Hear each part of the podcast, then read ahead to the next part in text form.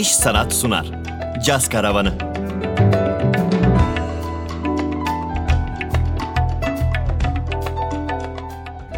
Ben Eray Aytimur ve bugünkü konuğumuz müzisyen Tamer Temel. Caz Karavanı başlıyor.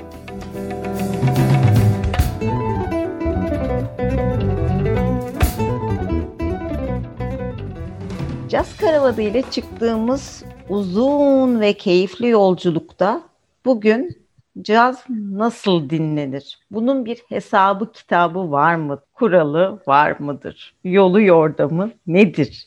gibi aslında hepimizin zihninden geçip de yüksek sesle söylemeye çoğu zaman cesaret edemediğimiz soruların yanıtlarını bulmaya çalışacağız. Bunu da hem çok çok değerli bir müzisyen hem de çok ilham verici bir dinleyici olarak gördüğüm sevgili dostum Tamer Temel'le konuşacağız. Hoş geldin Tamer. Hoş bulduk Eray'cığım. Çok sağ olun davet ettiğiniz için.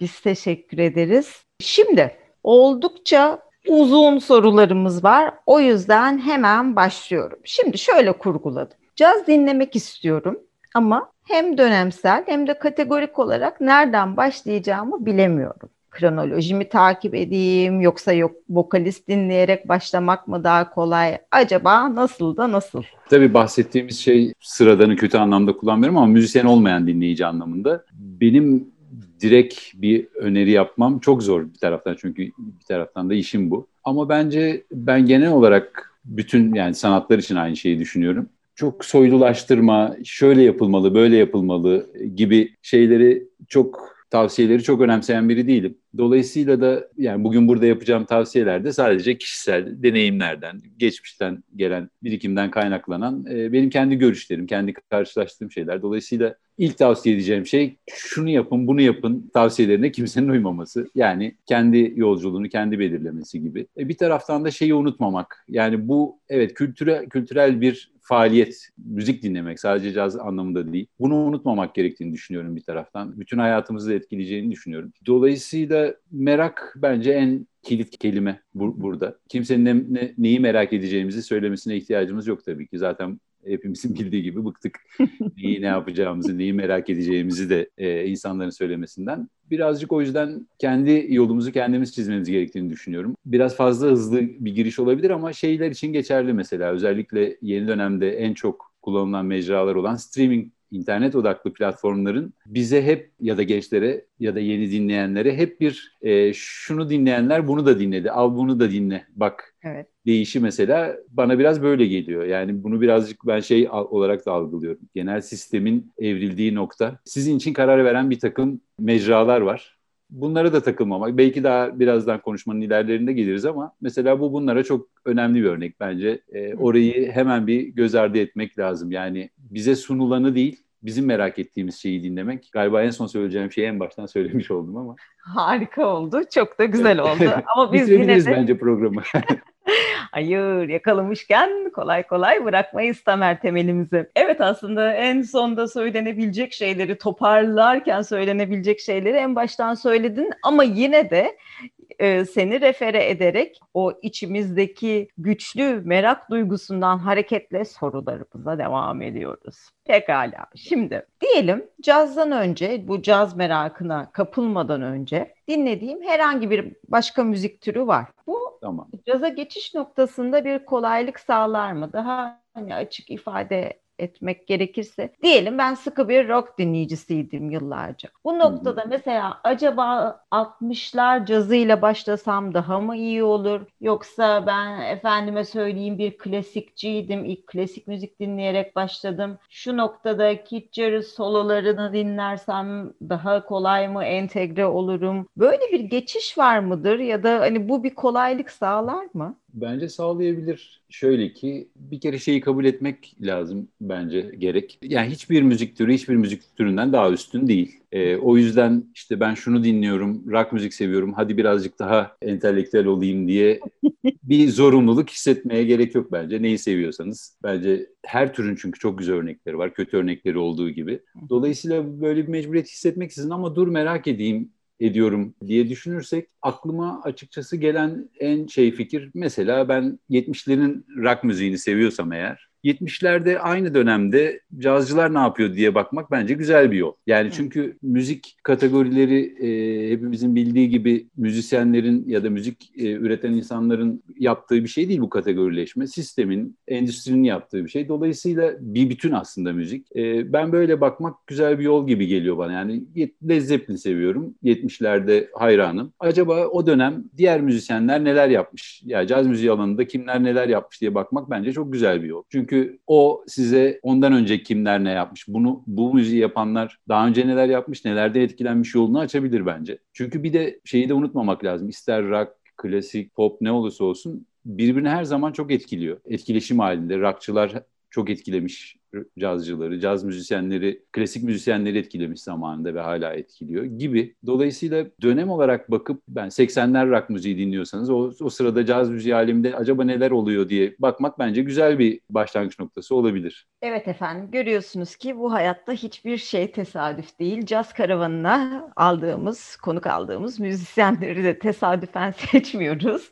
Sevgili Tamer Temel bu anlattıklarıyla aslında bir iki bölüm önce sevgili Şevket Akıncı'yı konuk ederken Şevket'in vurguladığı bizim de etrafında dönüp durmaya çalıştığımız konuya tekrar değinmiş oldu. Çünkü cazın diğer müziklerle ilişkisini konuşmuştuk Şevket'le de. E, bu kimi zaman çok magazinleştirilip aşk nefret ilişkisi olarak tabir edilir. Kimi zaman kardeşlik ilişkisi olarak tabir edilir. Kimi zaman da zaten hani bu kadar magazine edilmez. O geçiş ve dönüşümden söz edilir. Sen de tam üstüne bastın. Teşekkür ederiz. O zaman şimdi Böylece devam ediyoruz. Şimdi işin bir de teknolojik ve ekipman boyutu var. Şöyle ki, aa yok ona gelmeden önce ama şunu sorayım. Bence bu daha hayati bir noktada duruyor. Şimdi Eh, günümüz koşulları malum. Para dediğimiz şey kolay kazanılmıyor. E biz de böyle kendi halinde mütevazı geliri olan ve müzik zevkine belirli bir yatırım yapabilecek insanlarız. Dolayısıyla hani bir seferde gidip 50 albüm falan da satın alamayacağımıza göre işe yani vardır tabii 50 albüm satın alabilenler.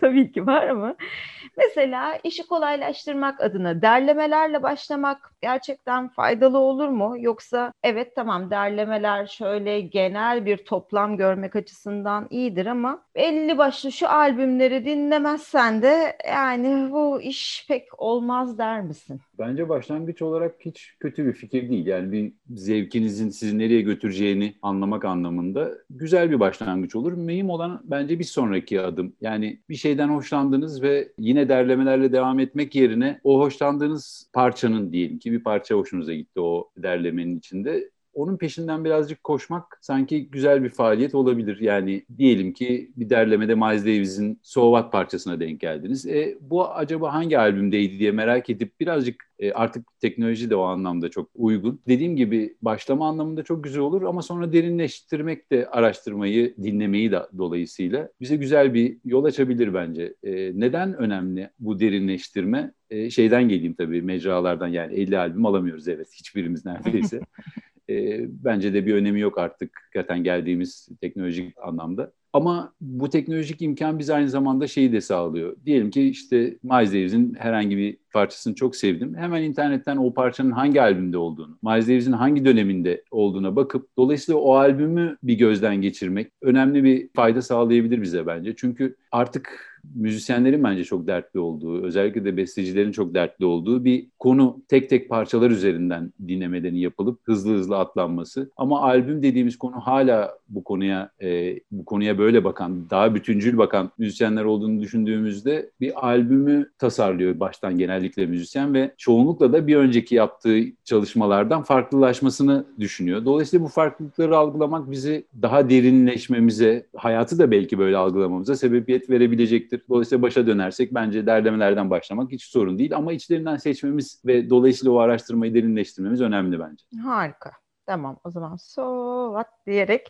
Ee, pekala o zaman şimdi CD teknolojisi geride kaldığına göre plak formatı caz dinleme hikayemizde kaçınılmaz mı? Yoksa dijital yollarla dinlesek cazın ruhuna haksızlık etmiş olur muyuz? Yoksa zaten bütün müzik dinleme formatları belli bir süre sonra kendini yenilediği için e, bekleyelim tekrar CD'ler geri gelir filan mı? Viski ve pro da şart tabii. E, sadece plak değil.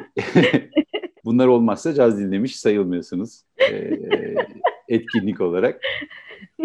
Ya, tabii ki bence hiçbir önemi yok. Ben plak mesela dinleyemiyorum, dinlemiyorum. Plak dinlemek alışkanlığı evet belli bir maddi şey gerektiriyor. Bence hiçbir önemi yok. İlk baştan söylediğim şeyi söylemiş olacağım ama dijital platformdan da dinlemek bence cazın ruhuna tam tersi cazın ruhuna çok uygun. Çünkü caz ruhu fakirliğinden gelen bir müzik. E, dolayısıyla bunu bir siyahi Amerikalıya söyleseniz e, herhalde güler.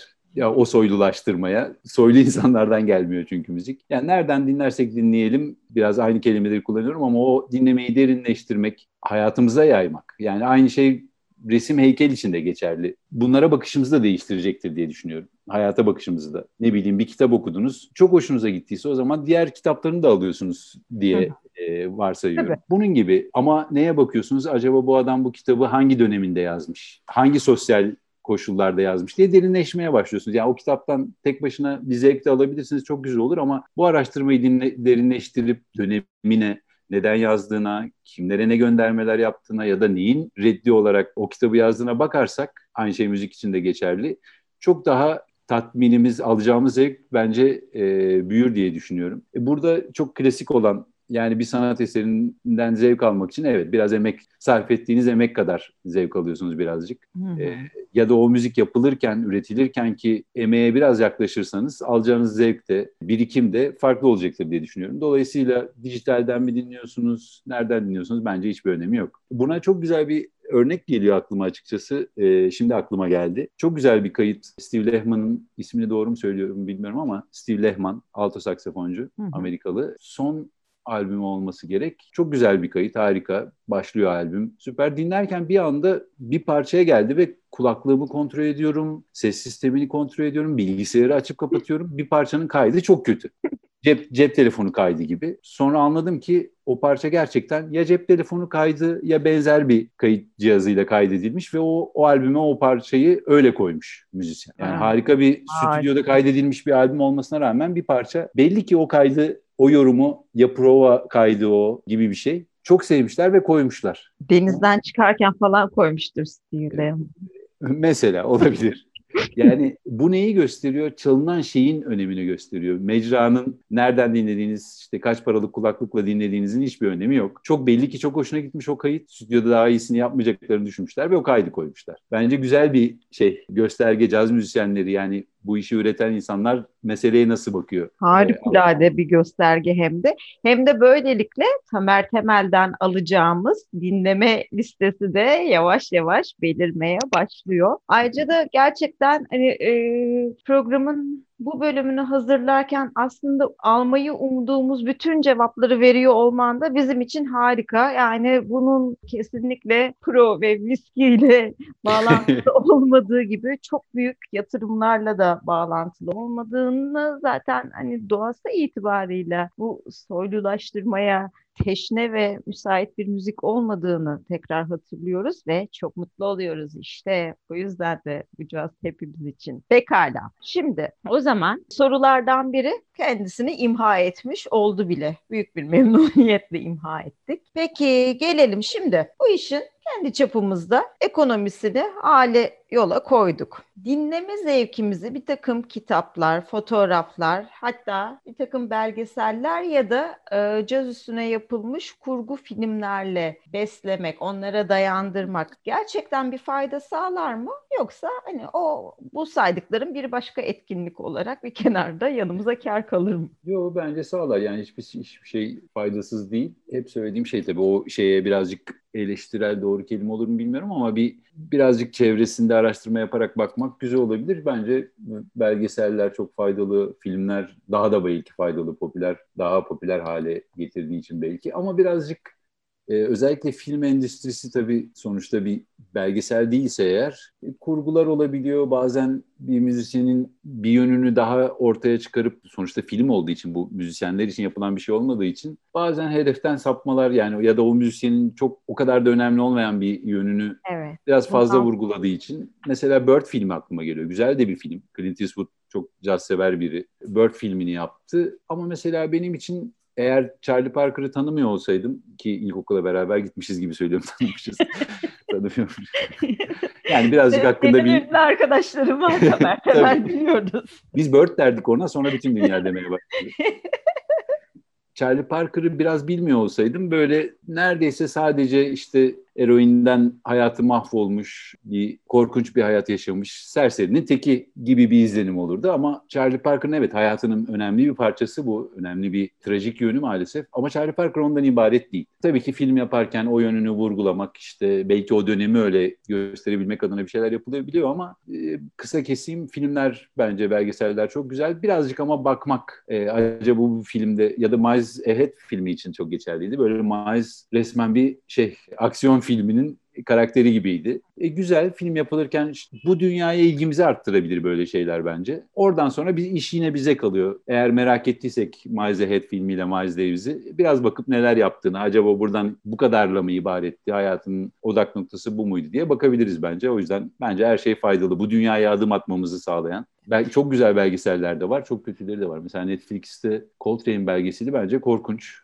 Kötü bir belgesel. Ama Miles belgeseli o hiç de fena değil diye düşünüyorum. Bunlar tabii benim kişisel fikirlerim. Evet, kişisel fikirlerinde bizim için çok değerli. Pekala, e, performans ve kayıt kalitesi açısından takip etmemizin olumlu olacağını düşündüğün yapım şirketleri var mı? Yoksa hele ki günümüz koşullarında yapım şirketi kavramı pek de güncelliğini korumazken böyle bir kaygıya kapılmamıza gerek de mi yok? Ne dersin? Ee, Bence çok şey güzel bir konu hakikaten bu. Yani tabii ki bir kaygıya gerek yok. Neyi seviyorsanız, nereden çıktığının, e, kimin yayınladığının bir önemi yok. Ama bu konuyu hala ısrarla bir prodüktör, o prodüktörün yönlendirmesiyle yapılan albümler anlamında hala belli bir butikliği diyeyim koruyan yapım şirketleri var. Bence önem de arz ediyorlar bu anlamda. Çok bir önemi yok aklıma gelen ama e, çünkü performansı da kullanınca ilk başlarda söylemem gereken şeylerden birini atladım belki. Mecraların haricinde konser bence caz dinlemek için canlı konser dinlemek çok önemli bir ortam. O yüzden de caz müzisyenlerin çoğu biz işte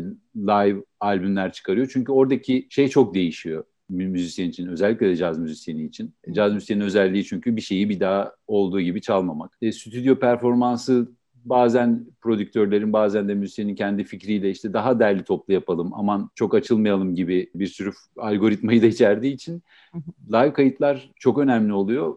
E, live kayıtları yayınlanmasına ihtiyaç duymadan konserlere bol bol gidip o müzisyenleri yerinde görmek bence en güzel mecra bu arada. Hiç arada hiçbir aracı olmaksızın. Dolayısıyla e, onu es geçmiş olmayayım. Plak şirketlerine gelirsek evet yani artık şey çok azaldı bir prodüktörün yönlendirmesi, bir akım, işte 80'lerden sonra hep söylenen şey artık akımlar kalmadı. Neredeyse bütün sanat dalları için geçerli galiba. Bütün akımlar bir arada yaşanıyor gibi. Dolayısıyla bu belli bir çizgiyi yürüten plak şirketleri bence önemli bir şey yapıyor. O yüzden seninle ilk konuştuğumuzda bu konuyu konuşurken, konuşacağımızı düşünürken aklıma gelen şeylerden biri mesela bir dinleme yöntemi plak şirketi bazlı dinleme güzel bir şey, etkinlik bence. Çünkü ciddi olanları baz alırsak belli bir çizginin peşinde koşuyorlar. Dolayısıyla ciddi bir prodüktörlük var işin içinde. Kötü anlamda değil ama bazen prodüktörlük kötü sonuçlar da doğurabiliyor. Ama bunlar en büyük örneği muhtemelen en sembolik örneği ECM. Her kaydı hoşumuza gitmeyebilir ama belli bir çizgiyi, belli bir müzikal anlayışı